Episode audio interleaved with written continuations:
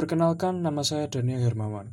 Kami dari kelompok A, kelas Pancasila dan Kewarganegaraan Universitas Surabaya, akan mewawancarai perwakilan dari LBH Surabaya, yaitu Bapak Abdul Wahid Habibullah. Selamat siang Bapak, terima kasih Bapak telah meluangkan waktu Bapak untuk dapat menghadiri wawancara kami pada hari ini. Baik, langsung saja kita mulai dengan pertanyaan pertama. Pak, LBH ini kan telah berdiri cukup lama, tentunya memiliki sejarah yang besar di belakangnya, terlebih dalam pembentukannya. Bagaimanakah sejarah terbentuknya LBH ini, Pak? Ya, tadi sudah saya jelaskan sejarahnya tahun 80-an ada Abang Bung Nasution itu e, merasa bahwa dia melihat banyak sekali masyarakat miskin yang mengalami ketidakadilan. Ya, e, dia secara hati nuraninya itu membuat dia menggagas dia untuk membentuk suatu LBH yang itu uh, berfungsi untuk menangani kasus masyarakat miskin. Ya, tahun 80-an terbentuklah LBH Jakarta. Dan uh, setelah itu dia menggagas beberapa LBH LBH yang ada di daerah. Sehingga salah satu yang dibentuk adalah pada waktu itu adalah LBH Surabaya yang memiliki wilayah kerja di seluruh wilayah Jawa Timur. Dan saat ini eh, YLBI dari kami menjadi Yayasan Lembaga Masyarakat Indonesia karena kami terlibat di Indonesia dan memiliki 17 kantor di seluruh Indonesia mulai dari Aceh sampai Papua. Itu sejarahnya.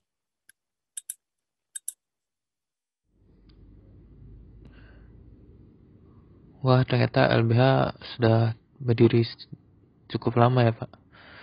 Kalau boleh tahu, selama berjalannya LBH ini, kegiatan apa saja yang sudah dikontribusikan oleh LBH ini, Pak? Terima kasih.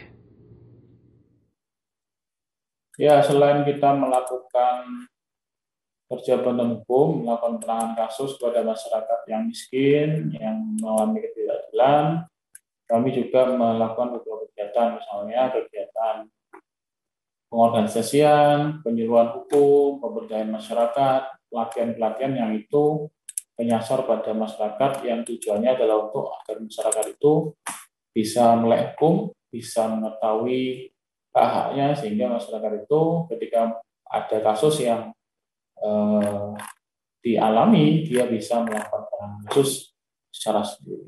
Itu bedanya.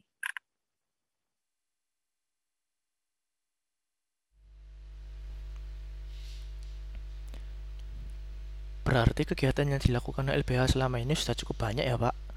Nah, namun apakah selama melakukan semua kegiatan ini, apakah LBH pernah menemui kesulitan ataupun kendala dalam menjalankan kegiatan-kegiatan tersebut Pak?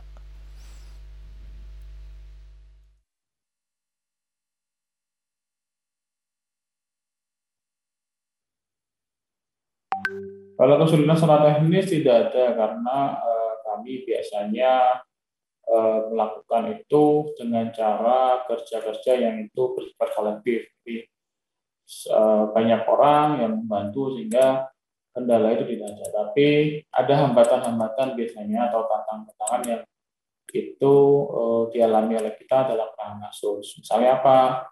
Dalam penanganan kasus itu kami sering kali mendapatkan ancaman, sering kali mendapatkan teror misalnya, sering kali mendapatkan serangan, bahkan kantor kami sering demo, sering diserang karena kita melakukan penanganan kasus. Saya jelas itu menjadi resiko bagi kami sebagai lawyer, sehingga ya itulah yang memang menjadi hambatan selama ini yang. Itu.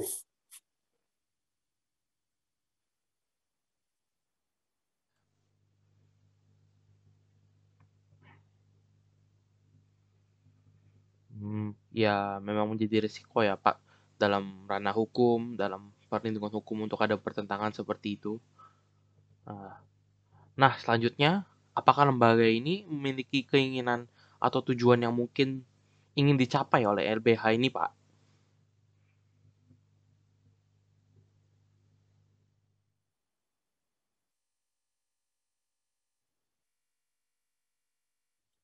Yang belum tercapai adalah agar masyarakat semua bisa melek hukum, atau bisa berdaya. Jika ketika masyarakat semua itu bisa melek hukum dan berdaya, maka otomatis semua masyarakat akan mendapatkan keadilan dan tidak ada lagi eh, masyarakat yang mengalami tindakan ketidakadilan sehingga masyarakat semua itu eh, bisa dikatakan memiliki hak yang sama, memiliki kedudukan hukum yang sama di depan hukum. Sehingga kalau cita-cita itu tercapai, maka LBH itu bisa bubar karena sudah tidak diperlukan lagi LBH.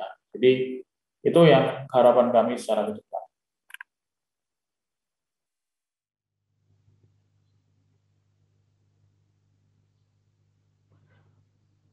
Baik, terima kasih atas waktu yang telah Bapak luangkan untuk menghadiri wawancara ini dan juga jawaban yang telah Bapak berikan kepada kami.